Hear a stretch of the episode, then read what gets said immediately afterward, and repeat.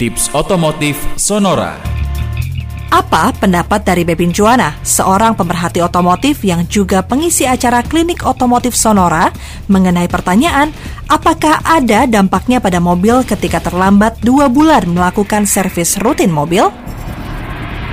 Enggak lah, kan dua bulan yang lalu. Sekarang saya kan bisa bertanya balik, emang dalam dua bulan Bapak ke mana gitu kan?